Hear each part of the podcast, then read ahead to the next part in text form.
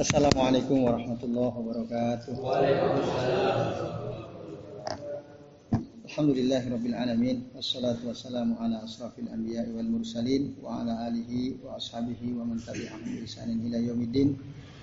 Asyhadu an la ilaha illallah wahdahu la syarika lahu wa asyhadu anna Muhammadan abduhu wa rasuluh.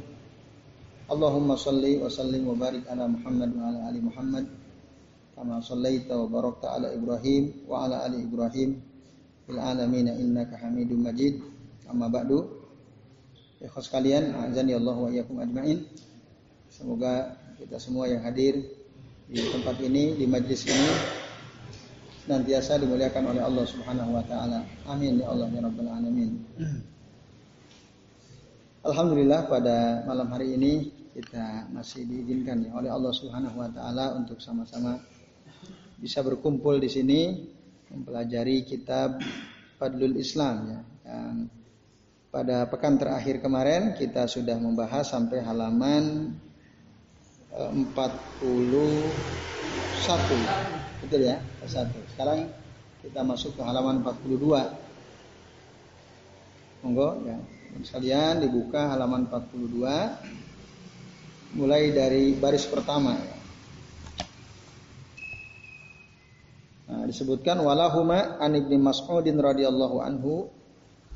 Dan masih dari Bukhari Muslim hadis riwayat Abdullah bin Mas'ud Qal dia mengatakan qala Rasulullah sallallahu alaihi wasallam Rasulullah sallallahu alaihi wasallam bersabda in anna faratukum anna faratukum alal haudi sesungguhnya kami ini kata Rasulullah sallallahu alaihi wasallam ya. faratukum Farotokum itu artinya yang pertama kali. Yang pertama kali datang ke air atau ke telaga. Ya, anna farotokum alal haudi. Sesungguhnya kami adalah yang pertama kali dari di antara kalian datang ke haud. Haud itu telaga yang akan ditemui oleh setiap orang sebelum dia masuk surga atau neraka.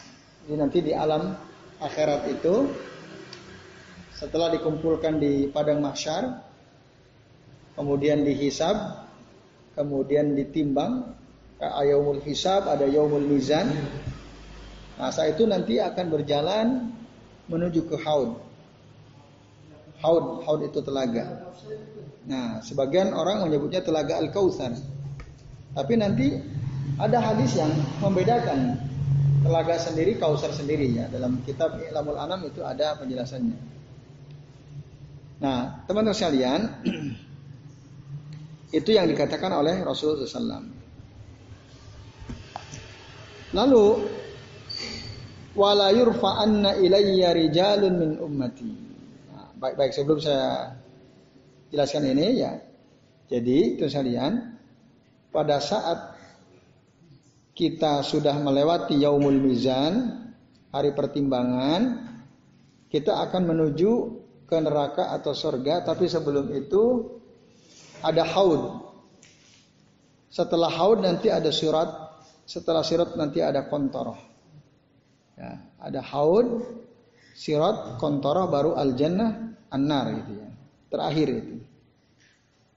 Nah, haud ini penting. Semua manusia waktu itu dalam keadaan kehausan. Karena kita antri untuk dihisab di hadapan Allah selama berapa tahun? Khamsina alfasanah, 50 ribu tahun. Kita akan antri untuk dihisab oleh Allah Subhanahu wa taala. 50 ribu tahun. Matahari didekatkan qadram milin au milain. Begitu dalam hadis Nabi riwayat Muslim. Jadi tudna syamsu ilal ardi qadra milin au milain. Matahari didekatkan ke bumi satu mil atau dua mil. Panas lah intinya. Udah gak kuat kepanasan. Tapi ya sakti mandraguna. Karena meskipun didekatkan gak meledak. Artinya sakti kan orang-orang di akhirat itu kan. Kuat-kuat gitu ya. Ah, nggak meleleh, padahal dekat sekali kan. Nah, oleh Allah di, diberikan kekuatan untuk apa tidak meledak gitu ya. Ya tapi kepanasan, tersiksa yang jelas. Nah, panas. Mana untuk mendinginkannya? Ya haud itu. Haud itu. Maka nanti dalam riwayat yang lain man syaraba man syariba minhu syurbatan lam yazma'u abada. Barang siapa yang minum satu teguk saja dari telaga tersebut, maka dia tidak akan haus selama lama-lamanya. Itu sangat dibutuhkan hal ini. Nah, kemudian wala yurfa'anna ilayya rijalun min ummati hatta ahwaitu la, la unawiluhum ukhtuliju duni.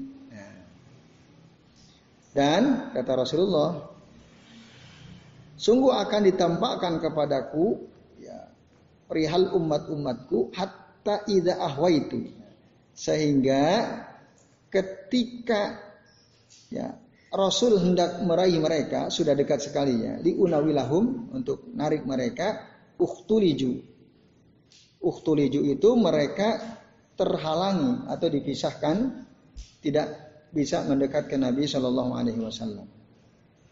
Nah, uhtuliju dunia dipisahkan dari Nabi sallallahu alaihi wasallam.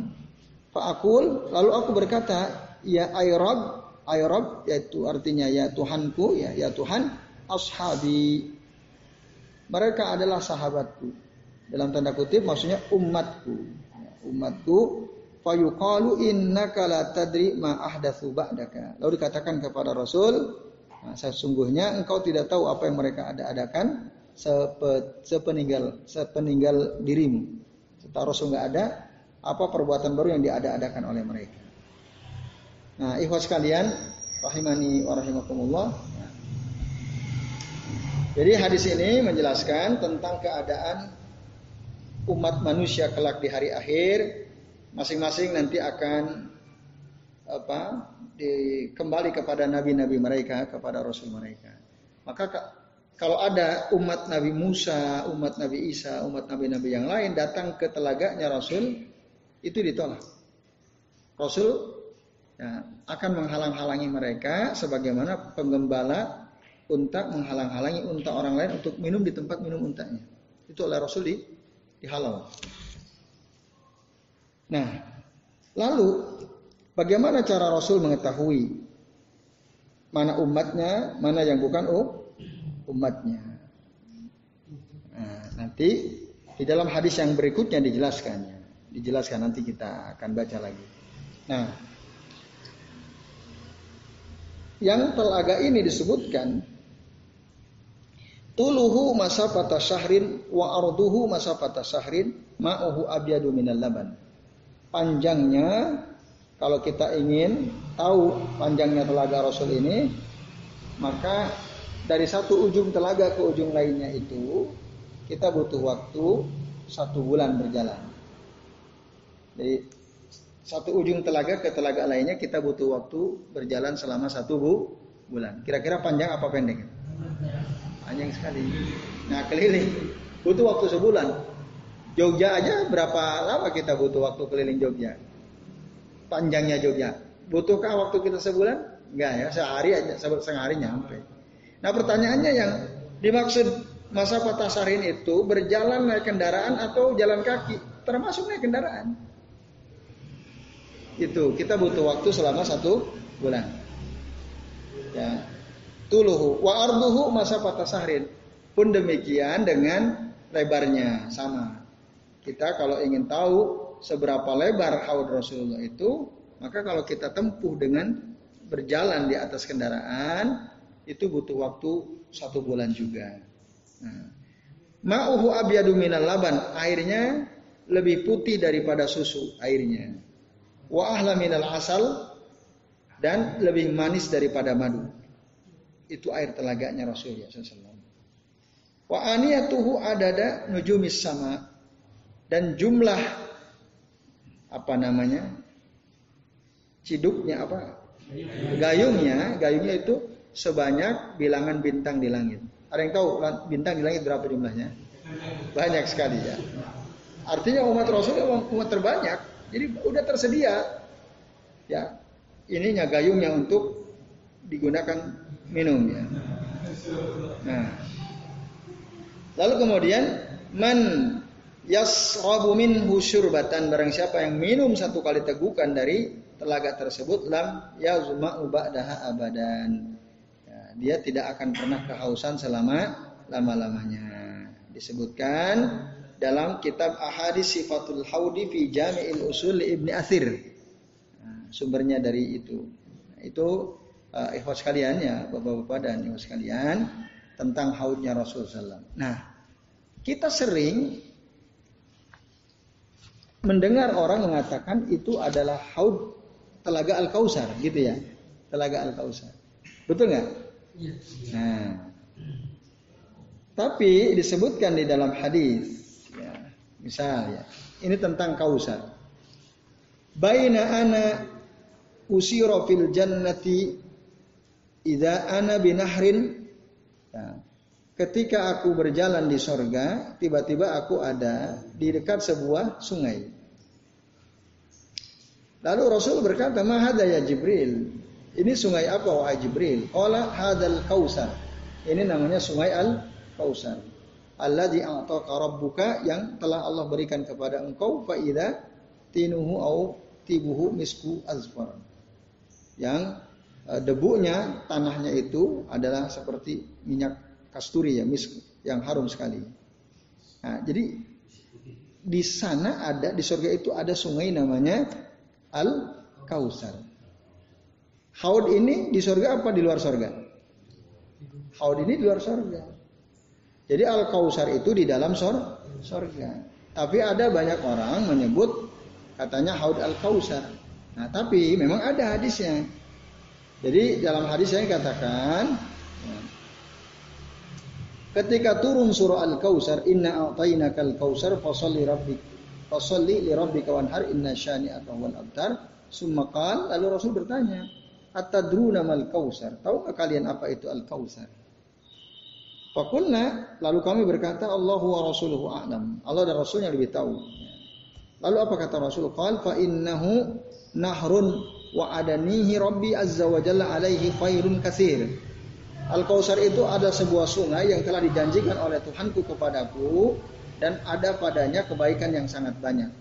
Huwa dia adalah Al-Kausar adalah haudun taridu alaihi ummati yaumal qiyamah. Dia adalah telaga yang ya, datang kepadanya dari umatku pada hari kiamat.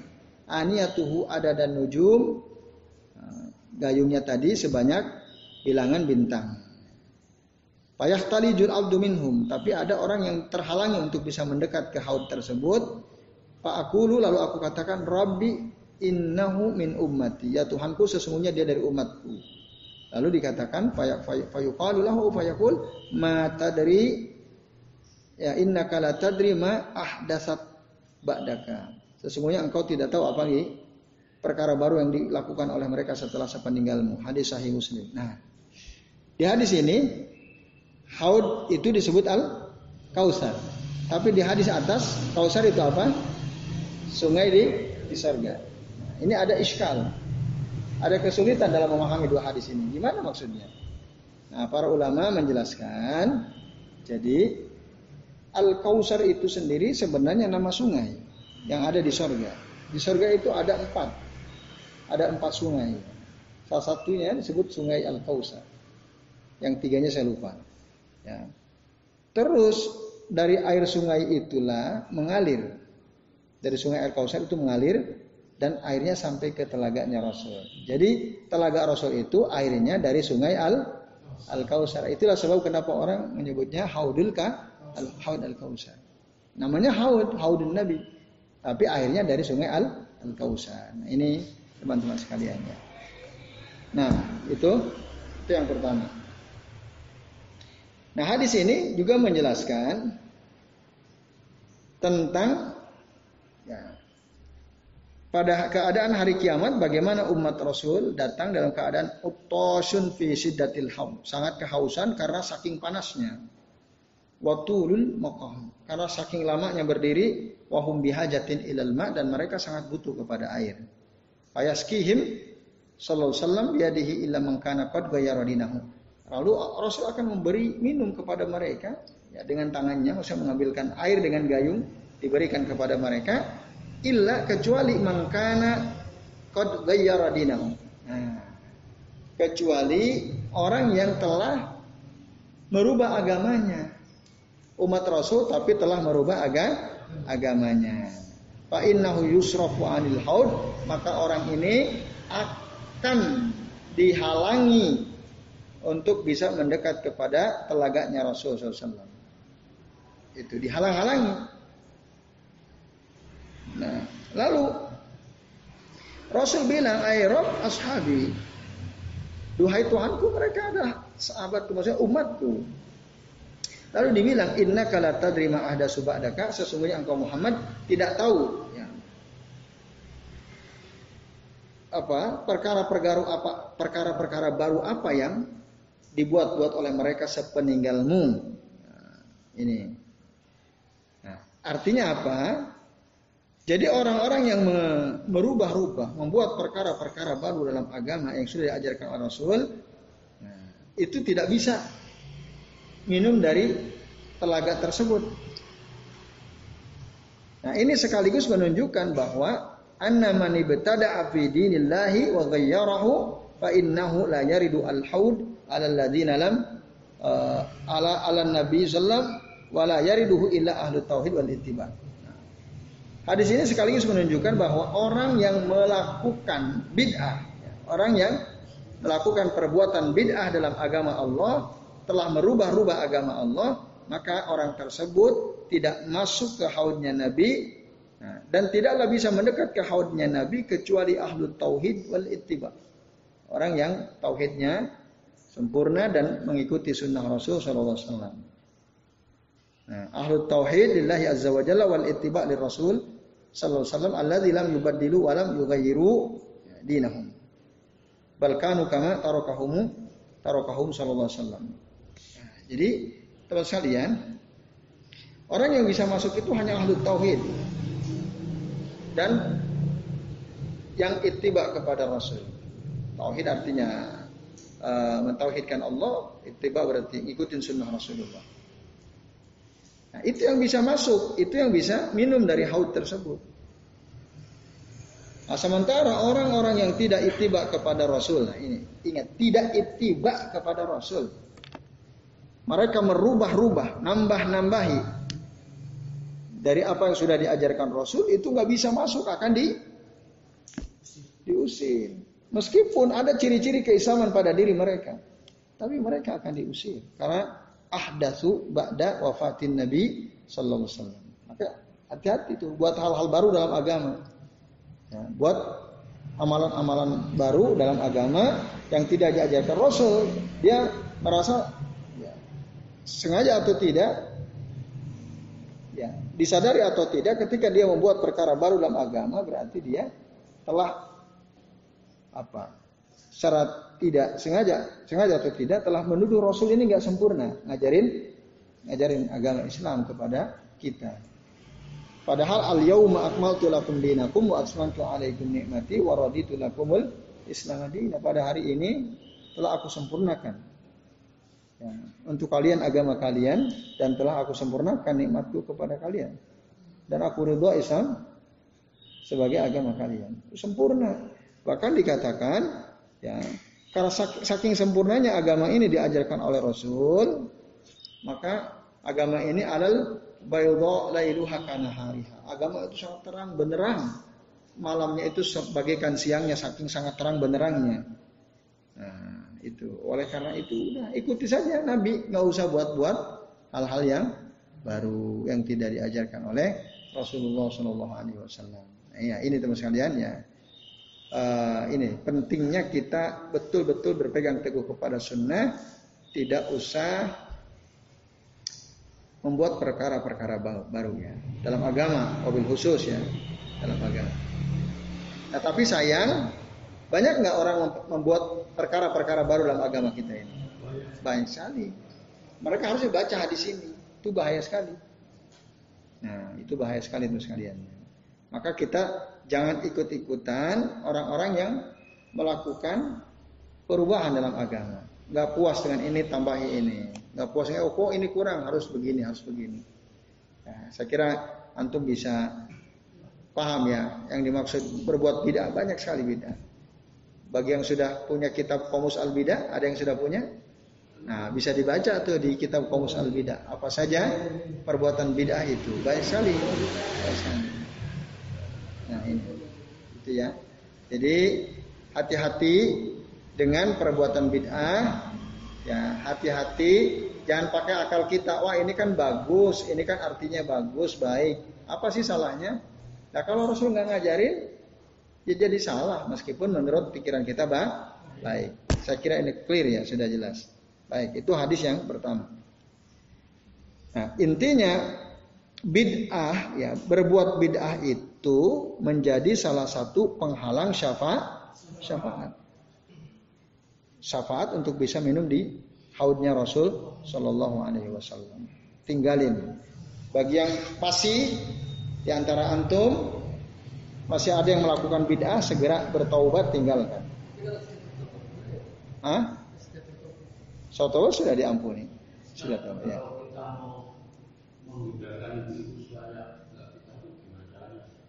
Menghindari apa?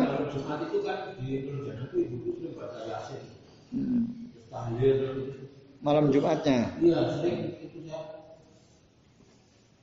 Gimana caranya? Iya, gimana caranya? Ya,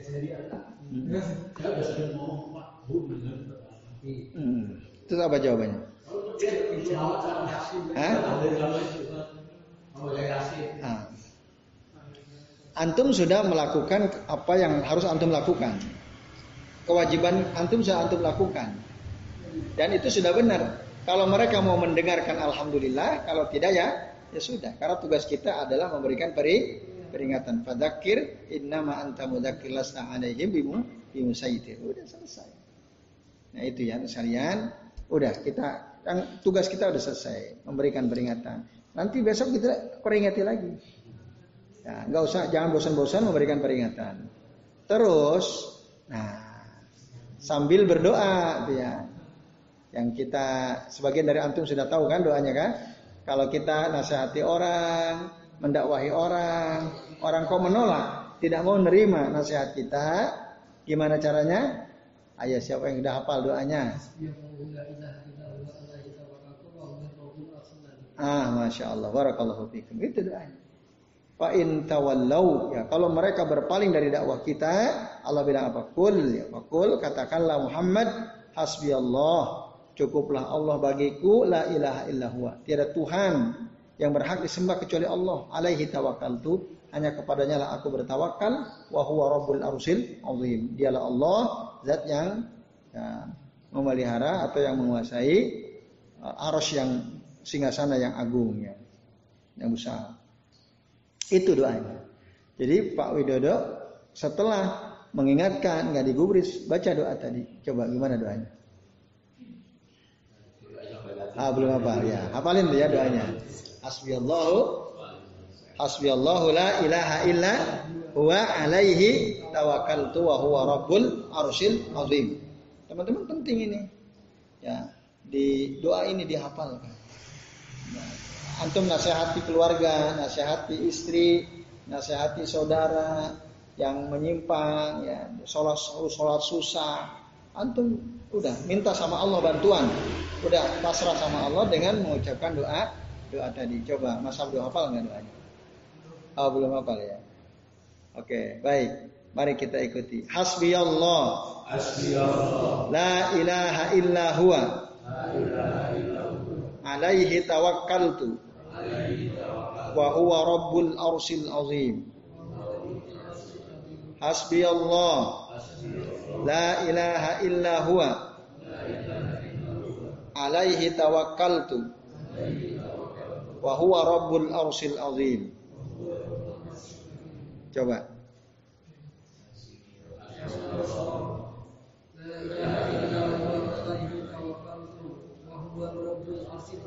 Nah, ini ada dalam surah At-Taubah ayat 129. Antum bisa lihat tuh. Kalau mau ngapalin di surah At-Taubah ayat 129.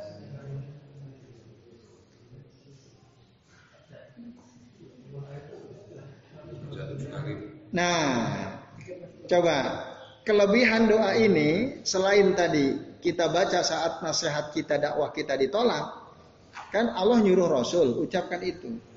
Antum bisa baca dalam surah At-Taubah ayat 129. Ternyata doa ini dahsyat, punya khasiat atau keutamaan lain. Ya, di dalam hadis riwayat Abu Dawud dijelaskan.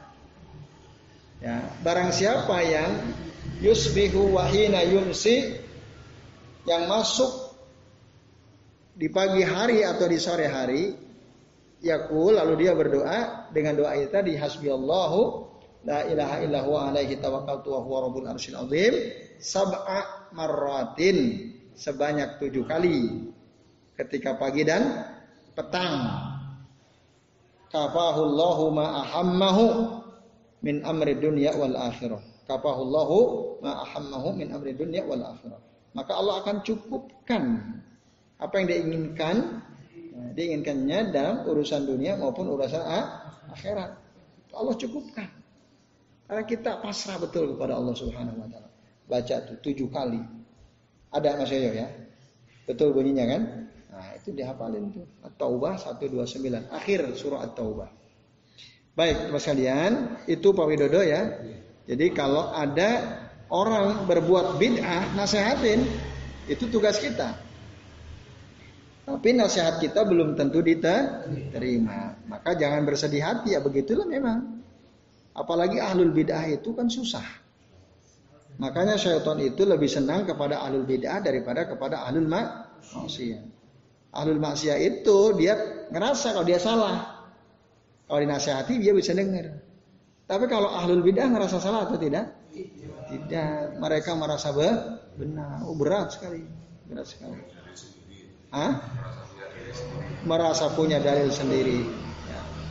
Makanya apa apa itu yang kita udah bahas bab sebelumnya ya. Jadi bid'ah itu lebih apa? Lebih merusak daripada perbuatan mak maksiat. Lebih besar ya. dosanya daripada berbuat maksiat. Nah ini misalnya. Baik itu hadis yang pertama. Ya. Terus yang berikutnya An Abi Hurairah radhiyallahu anhu dari Abu Hurairah radhiyallahu anhu anna Rasulullah sallallahu alaihi wasallam qaal sesungguhnya Rasulullah SAW bersabda wadidtu anna qad ra'ayna ikhwanana saya ingin ya, melihat saudara-saudara saudara kami ya kami ingin melihat saudara-saudara kami nanti kalau awalasna ikhwanaka ya Rasulullah. Sahabat bertanya, ya Rasul, bukankah kami ini ada saudara-saudara engkau ya Rasulullah? Kala antum ashabi. Rasul bilang enggak, kalian itu bukan ikhwan, bukan saudaraku, kalian adalah ashabi. Kalian adalah sahabat-sahabatku. Rasul di sini memilah, membedakan antara ikhwan dengan ashab. Ashab itu ya antum itu. Kalian itu yang bergaul dengan Rasulullah, pernah ketemu Rasulullah dalam keadaan muslim, meninggal dalam keadaan muslim. Itulah as-sahabi, as-sahabi. Nah, ikhwan itu bukan. Maka ketika saya bertanya, awalasna ikhwanaka ya Rasulullah, kala antum ashabi. Bukankah kami ini adalah ikhwan engkau ya Rasul? Bukan, kalian adalah ashabi. Wa ikhwanuna alladziina lam ya'tu ba'd. Yang disebut ikhwan, ikhwan kami itu adalah orang-orang yang belum datang. Belum ada sekarang tapi nanti akan datang. Lalu lalu mereka berkata, "Kaifa ta'rifu Kaifa ta'rifu man lam ya'ti ba'du min ummatika ya Rasulullah? Bagaimana engkau bisa mengetahui ya, umat yang belum datang dari umatmu ya Rasulullah? Gimana bisa diketahui? Kalau Rasul mengatakan, "Ara'aita" Bagaimana menurutmu? Lau anna rajulan lahu khailun, jika ada seseorang dia punya seekor kuda. Gurun muhajjalah. Kuda itu ya, putih terang kepala dan kedua kakinya. Nah, baina dhahrai khailin duhmin buhmin. Jadi di uh, kuda kita itu ya duhmin itu kepalanya putih, kaki-kakinya putih buhmin. Ala ya'rifu khailahu. Bisakah dia mengetahui kudanya itu? Misal ada sekumpulan kuda warna hitam. Tapi ada satu kuda, kepalanya putih, kedua kakinya putih, kaki kakinya putih. Gampang apa susah antum membedakan? Gampang apa susah? Gampang banget karena beda sendiri. Nah, lalu mereka bilang kalau bala ya Rasulullah. Ya ya Rasulullah. Kal Rasul bilang, fa innahum ya'tuna ghurran muhajjirin. Sesungguhnya umatku itu mereka akan datang dalam keadaan kepala bercahaya, kedua kaki dan kedua tangan bercahaya minal wudu karena sebab wudu. Wa ana faratuhum alal haud dan aku adalah orang yang pertama kali dari mereka yang ada di haud ala la yuja la yuzadanna rijalun an haudi kama yuzadul ba'iru ad Ketahuilah sesungguhnya ada orang-orang yang akan dihalangi, dicegah dari haudku sebagaimana ya unta tak bertuan yang apabila dia mau mendekat ke tempat minum unta seseorang maka dia akan dicegah juga, dihalau kan gitu. Fa'unadihim lalu aku panggil-panggil mereka, halumma mau ke mana kalian kemarilah kemarilah. Udah dekat, mereka malah pergi. Rasul kan tahu itu umatnya, halumma, halumma. Kemarilah kalian. Kenapa kemarin kalian, kalian tidak kemari? Kayu kalau dikatakan innahum qad badalu ba'daka. Sesungguhnya mereka telah mengganti ya. mengganti apa maksudnya mengganti agama setelah engkau Pak aku suhkan suhkan maka aku katakan menjauhlah kalian menjauhlah kalian Rasul nggak ridho jauh diusir juga oleh Nabi Shallallahu Alaihi Wasallam nah, hadis rawahu Muslim. Ini hadis sahih. Nah terus kalian dalam hadis ini jelas lebih jelas daripada hadis sebelumnya. Jadi hadis ini menyuruh kita untuk berpegang teguh kepada sunnah, kepada agama yang sahih, kokoh di atasnya, sabar. Ya, dalam melakukan kewajiban-kewajiban sampai kapan? Sampai mati. Hatta yarida ala nabi wa hatta yasroba min haudihi sampai kita ya, datang kepada nabi dan sampai kita minum minum air dari telaganya itu.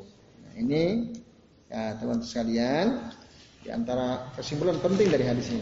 Nah, terus uh, tadi mereka semua sudah punya tanda wajah bercahaya, kaki tangannya bercahaya, ada tandanya. Karena mereka kan suka wudhu juga. Pelaku bidah suka wudhu atau tidak? Wudhu juga, bahkan mungkin sholatnya lebih hebat dari kita. Ibadahnya lebih hebat, soalnya ibadahnya tambah bidah-bidah kan. Nah, sholatnya juga bisa lebih hebat. Artinya mereka tetap ada tanda-tanda keumatan Rasul bercahaya, tangan kaki dan wajahnya bercahaya. Nah, tetapi mereka yuzaduna atau yumnauna. Ya, yumnaun itu dicegah. Nah, sebagaimana orang mencegah unta tak bertuan milik orang lainnya yang mendekat ke tempat minumnya. Nah, eh, kenapa sekali lagi tadi karena kamu tidak tahu ma'ah ada subadaka apa perbuatan-perbuatan baru yang mereka lakukan setelah engkau. Lalu hanya Rasul bilang, pergilah kalian, pergilah kalian kepada siapa? Liman badala wa ghayyara dinahu. Bagi orang yang merubah dan uh, mengganti agamanya. Nah, sebagaimana dijelaskan dalam hadis yang diriwayatkan oleh Imam Muslim tadi ya, yang sufa-sufa itu. Nah, ini terus kalian ya. Nah, Jelas ya saya kira ya. Nah terakhir satu lagi.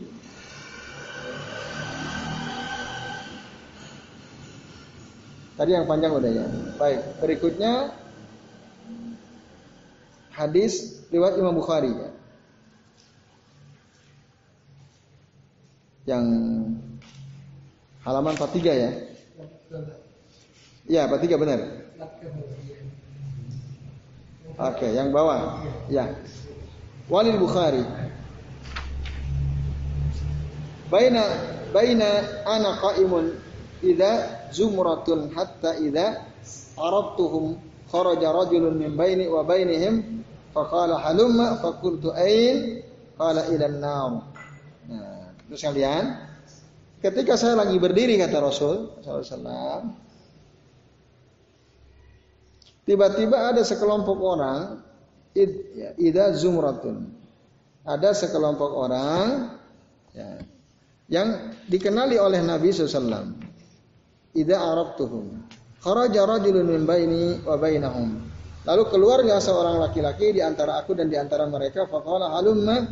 Lalu dia berkata kemarilah. Nah, fakultu aina. Lalu aku bertanya ke mana? Al ilan Lalu dia bilang ke neraka. Kultu wa masya'nuhum. Aku berkata, apa bagaimana keadaan mereka? Qala innahum irtaddu ba'daka ala adbarihim al-qah al-qahqara. Sesungguhnya mereka telah murtad setelah engkau ke belakang ya al-qahqara qahqara itu pelan-pelan ya. Summa idza zumratun fadzakara mislahu. Kemudian datanglah sekelompok orang lalu disebutkan seperti yang di atas. Hatta idza arafta seterusnya qala fala urahu yakhlusu minhum illa masalu hamalin naim. Lalu Rasul berkata, aku tidak melihat ada di antara mereka yang bisa selamat. Yang bisa selamat, maksudnya selamat dari apa? Yang bisa selamat dari terusir dari haud. Terusir dari haud. haud. Illa masalu hamalin na'am. Kecuali sedikit saja seperti seekor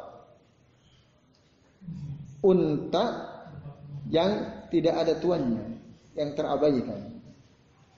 Unta yang tidak ada tuannya itu banyak apa sedikit? Unta yang tidak ada tuannya itu banyak sedikit? Yang lebih sedikit karena unta pada umumnya ada tuannya. Nah, artinya banyak orang tidak selamat. Artinya tidak selamat tidak bisa minum dari haul banyak. Semoga bukan kita.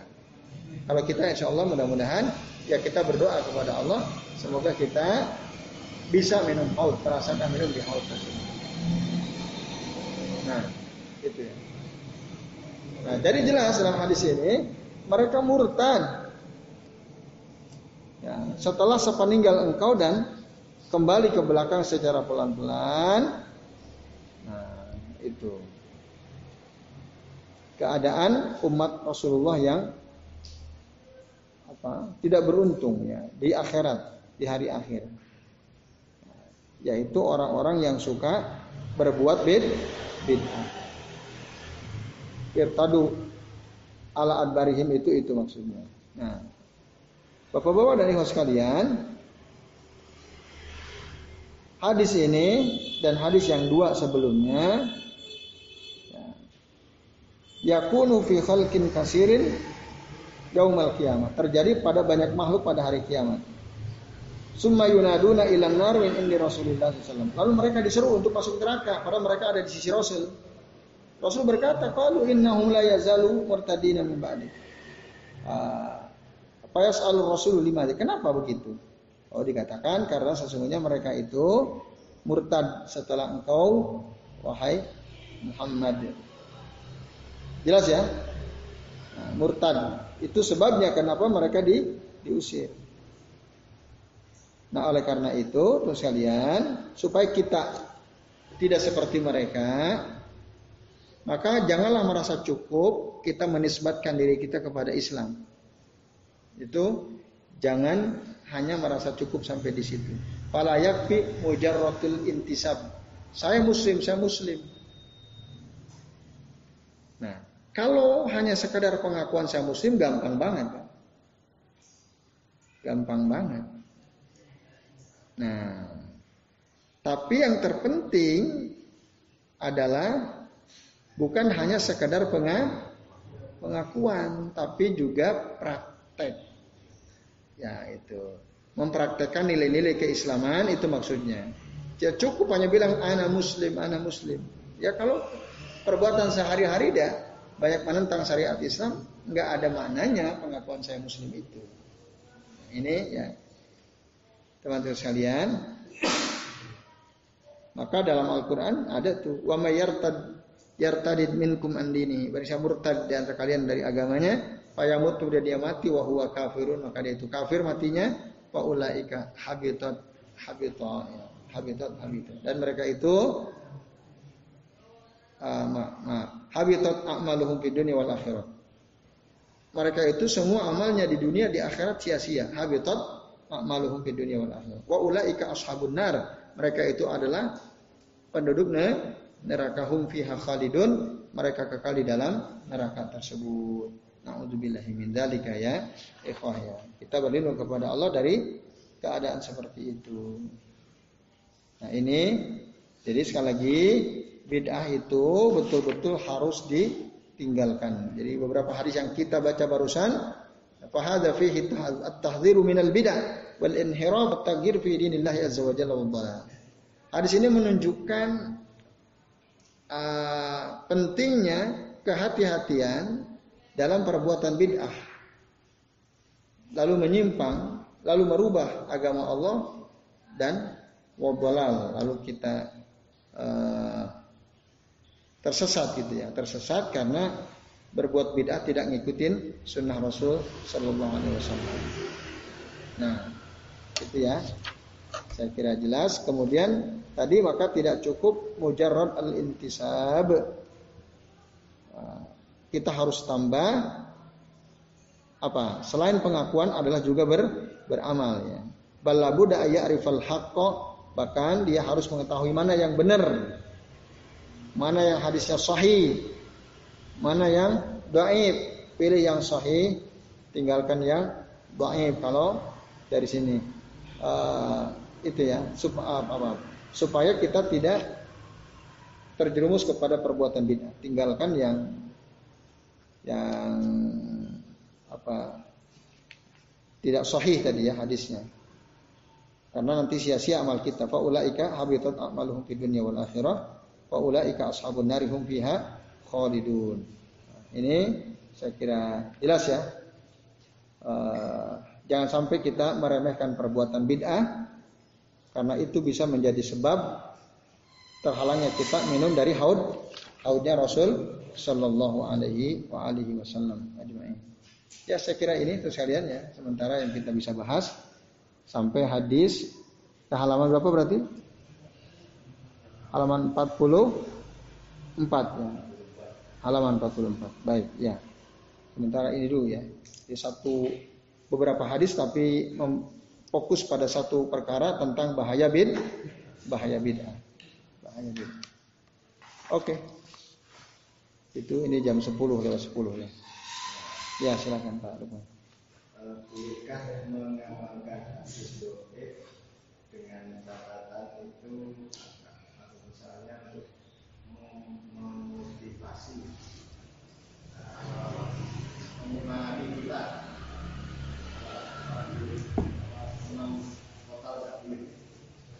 Contohnya gimana? Hadis doa yang menyemangati itu.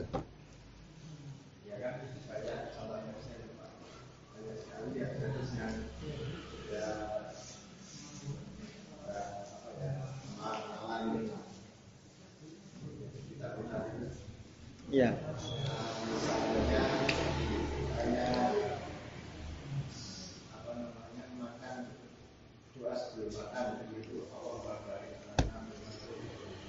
Hmm. Wakina ada benar. Oke baik. TPA TPA. Hmm. Padahal hadisnya baik ya. Baik terima kasih Pak Lukman. Para ulama beda pendapat ya terkait dengan masalah bagaimana sikap kita terhadap hadis dhaif. Setidak-tidaknya ada tiga, tiga kelompok, uh, tiga pandangan ya. Pandangan pertama mengatakan hadis dhaif bisa diterima, bisa diterima secara mutlak selama itu berbicara tentang fadailul amal ya. Yang berkaitan dengan keutamaan-keutamaan amal. Itu boleh diterima secara mutlak walaupun dia lemah. Agar apa? Ya kita bisa mengamalkan. Kan amalan tuh biar kita dapat pahalanya. Itu menurut sebagian ulama. Dia bisa terima secara mutlak dalam fadailul amal.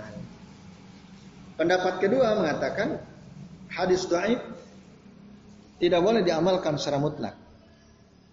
Baik masalah fadailul amal maupun dalam masalah akidah masalah tauhid, masalah halal haram, masalah boleh tidak, itu nggak bisa diterima, jadi harus tolak.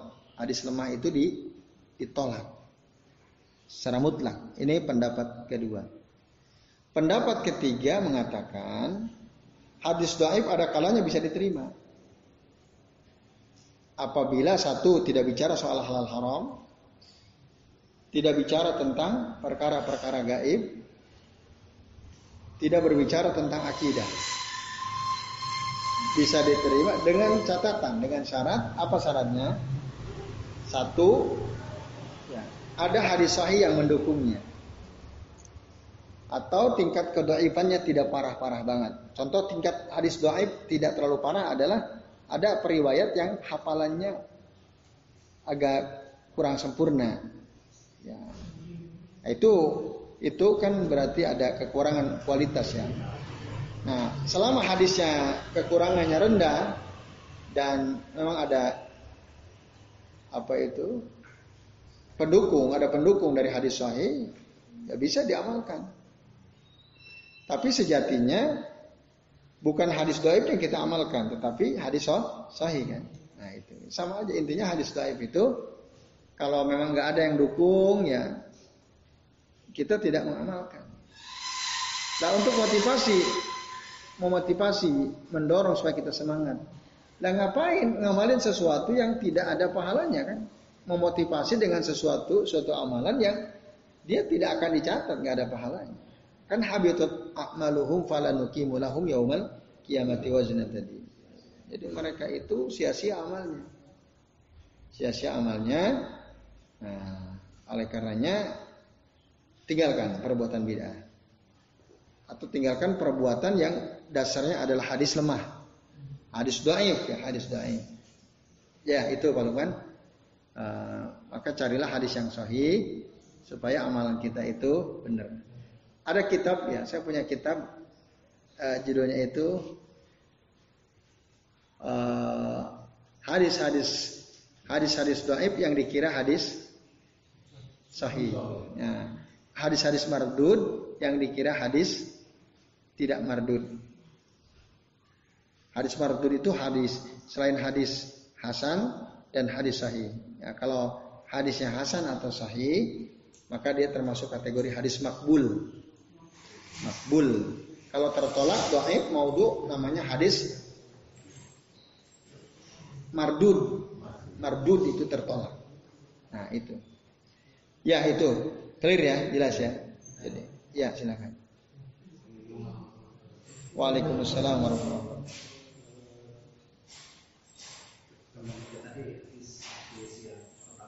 Hmm. Ya. Yang ingin saya tanyakan itu terkait tentang perkara yang mendadak dari anak-anak. Ya. Nah, yang ingin saya tanyakan itu apakah pengertian agama itu sama seperti apa yang di digambarkan di waktu lalu ketika ketika zaman Rasul ataupun ketika pengaruh kita itu masih ada. Mm-hmm. Di mana kalau sekarang pengertian itu sangat-sangat distorsinya sangat kencang. Mm-hmm. Agama kemudian berpisah dari semua hal. Mm-hmm. Bahkan ya agama yang mengurusi urusan urusan manusia di masjidnya saja. Mm-hmm. Selain itu kemudian tidak dikatakan agama. Mm-hmm. dalam Islam itu banyak urusan-urusan agama yang yang sebetulnya itu menjadi urusan ya kalau kembalikan ke lagi ke awal ya, seluruh, kehidupan manusia itu menjadi urusan agama karena hmm. manusia tidak bisa terlepas dari uh, hukum syarat hmm. kan? yeah. nah itu apakah uh, kalau saya mengatakan bahwa saat ini orang-orang yang kemudian kehidupannya sekuler itu bisa termasuk orang-orang yang kemudian terhalangi dari hukumnya Rasul mereka tidak mau orang muslim tapi sekuler cara berpikirnya ya sekuler nah. kemudian kan jelas sekali kalau ekonominya mereka nggak mau pakai ekonominya Rasul bahkan hmm. ketika pakai untuk ekonomi tanpa ah. itu kan jelas sekali penyimpanan itu sangat sangat jelas sangat jauh gitu. Ah, ya sangat jauh mengadakan dari pertama bisa dikatakan seperti itu. Ya terima kasih Mas. Nah iya tentu saja ya. Karena agama itu ya termasuk nanti masuk bab muamalah. Bab uh, ibadah, muamalah nanti muamalah itu ada munakahat, ada al-buyu, ya, ada asyasah termasuk. Itu bagian daripada agama yang udah jelas tuntunannya dari Nabi Shallallahu Alaihi Wasallam. Maka apa yang tadi antum gambarkan, ada sebagian kaum muslimin uh, menolak ya sesuatu yang sebenarnya di agama itu diajarkan oleh Nabi Shallallahu Alaihi Wasallam. Lalu dia malah mengganti dengan yang lain, yang mungkin menurut dia lebih baik daripada ah, orang-orang nah, sekuler itu ya. Nah, apakah dia termasuk yang diancam oleh Rasul dalam hadis ini bahwa kelak dia nanti akan diusir dari haudnya Rasul SAW? Iya, jawabannya iya. Nah, bahkan mereka mengganti sistem uh, apa misalnya jual beli yang ada dalam Islam diganti oleh mereka. Nah, nah itu, nah, itu kan dan dan mereka menganggap rendah remeh meremehkan uh, sistem jual beli yang diajarkan oleh Rasul kan. Nah itu dianggap uh, out of date misalnya. Terus tadi saya bacanya, ini contoh-contoh yang terjadi betul di tengah-tengah kita ya. Ada orang dia kerja di bank Kerja di bank. Kata Ustadz di bank itu riba. Ya udahlah saya keluar dari bank Saya keluar. Akhirnya saya jadi driver ojol. Eh ternyata jadi driver ojol ada ribanya juga. Padahal waktu saya kerja di bank kata dia nih kehidupan saja sejahtera, anak-anak alhamdulillah sekolah bisa makan gampang gitu ya. Tapi karena saya dengar kajian dari Ustadz bahwa itu adalah riba, akhirnya saya keluarlah dari bank, resign, lalu saya jadi ojol. Eh, saya tetap ngaji kepada Ustadz itu. Ketika saya ngaji kepada Ustadz itu, dibilangnya bahwa dalam ojol juga ada ada ribawinya. Nah, akhirnya karena saya takut, ya akhirnya oke dah, saya ganti mata pencaharian jualan minyak wangi kata dia. Jualan minyak wangi. Eh jualan minyak wangi lakunya uangnya masuknya tidak sebanyak ketika saya kerja di bank gitu kan. Akhirnya anak-anak sekolah saya tunggakannya jadi banyak, SPP-nya nunggak katanya kan. Setelah itu saya ngaji tetap, saya tetap ngaji ke Ustadz itu. Nah, akhirnya Ustadz itu ketika saya mengeluh kepadanya, Ustadz saya udah keluar dari bank, saya keluar dari ojol, saya sekarang jualan minyak wangi. Kok hidup saya jadi susah kan? Jawaban Ustadz itu apa? Ini kata dia ya. Ustadz itu menjawab, ya ini karena kekacauan pemerintah. Pemerintah yang ngaco, tidak pro terhadap rakyat dan seterusnya. Nah, itu jawaban si Ustadz. Lalu ya menyalah-nyalahkan pemerintah. Nah, itu ringkas ceritanya ya.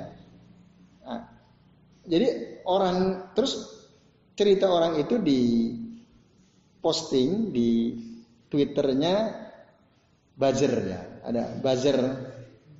Saya gak usah sebut namanya ya. Intinya dia ingin menghina. Jadi orang Islam itu ya bodoh-bodoh begitu, miskin-miskin akhirnya. Ini nggak boleh, ini nggak boleh, ini nggak boleh. Jadi begitu. Nah orang awam menangkap itu iya ya Islam kok memiskinkan, kan gitu.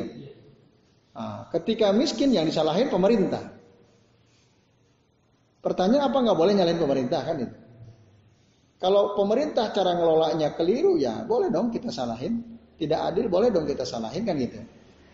Uh, ya tadi sistem uh, jual beli dalam Islam ya dinar dirham itu kan itu ditangkap ininya kan inisiatornya itu Jaim Ustaz Jaim Saidi itu kan di Depok. Walaupun banyak toko mempertanyakan lah kok kenapa? Kok kena dengan dolar boleh, dengan dinar dirham kok nggak boleh? Itu sampai sekarang kan nggak masuk akal itu. Kenapa itu?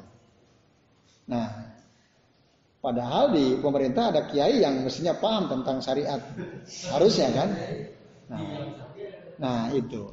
Nah ini kan banyak kekacauan-kekacauan ya. Nah, ya itu termasuk nanti akhirnya orang-orang seperti itu menolak sunnah, lebih memilih yang sekuler gitu ya itu nanti ya termasuk sebenarnya bid'ah juga dalam agama. Nah, jadi dia membuat perkara baru yang sebenarnya agama sudah ada diatur tapi dia nggak ambil itu. Nah nanti kalau kita kembali pada hadis yang kita pelajari, mereka akan diusir tadi ya. Uhtuliju, uhtuliju, dihalang-halangi sehingga tidak bisa minum dari haudnya Rasul Shallallahu Alaihi Wasallam. Nah ini ya sekalian, jadi begitu. Ini kan banyak keanehan-keanehan ya dalam uh, di dalam tata kelola negara di kita ini ya. Nah, maka orang-orang yang sekuler tadi ya oh ya termasuk nanti yang tadi me, meremehkan sunnah dalam berbisnis, dalam berpolitik dan seterusnya itu termasuk mereka ahdatsu ba'da wafatin Nabi, membuat perkara-perkara baru setelah wafatnya Nabi Shallallahu Alaihi Wasallam. Walaupun memang ada nanti dalam hadis yang lain ya uh, bercocok tanam misalnya, uh, bertani ya gitu. Uh, waktu itu kan Rasul ngasih tahu begini begini begini, ternyata setelah dikasih tahu Rasul nggak berbuah kurmanya, ya kan? Ya Rasul, kok ini kami ikuti apa yang kau katakan tidak gagal gagal panen lah gitu kira-kira bahasa kita. Lalu Rasul bilang antum a'lamu bi umuri dunyakum. Antum lebih paham ya lebih mengerti tentang urusan agama eh, urusan dunia kalian. Nah, dari situ memang tidak bisa kita pungkiri ada urusan-urusan dunia yang kita diberi kebebasan. Ya. Beri kebebasan selama tidak menentang hukum syara. Ya, bisa. Mau bisnis apa saja ya silakan, selama tidak menentang hukum syara kan. Nah, kalau sudah menentang hukum syariat, nah ini udah nggak boleh. Bisa curang, berbohong, menipu kan nggak boleh tuh. Tapi kalau masih sesuai dengan hukum syara, ya kenapa nggak boleh? Ya dinar dinar apa, apa bertentangan dengan hukum syara kan tidak kan? Kok dilarang? Nah, jadi itu boleh saja. Pakai rupiah ya silahkan saja. Pakai dolar dalam agama juga nggak ada nggak ada masalah.